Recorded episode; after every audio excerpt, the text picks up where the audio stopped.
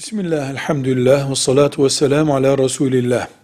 Cep telefonları hayatımızın çok derin noktalarına kadar girdi.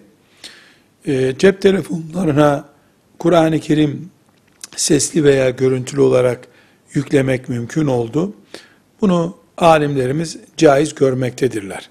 Bunun ayrıntılarından biri olarak cep telefonu ile içinde musaf Kur'an-ı Kerim olduğunu kabul ediyoruz. Tuvalete girmek caiz olabilir ama cep telefonunun ekranında musaf açıkken Kur'an ayetleri görünürken veya ekran yapılmışsa ona bir ayet tuvalete girmek yanlıştır.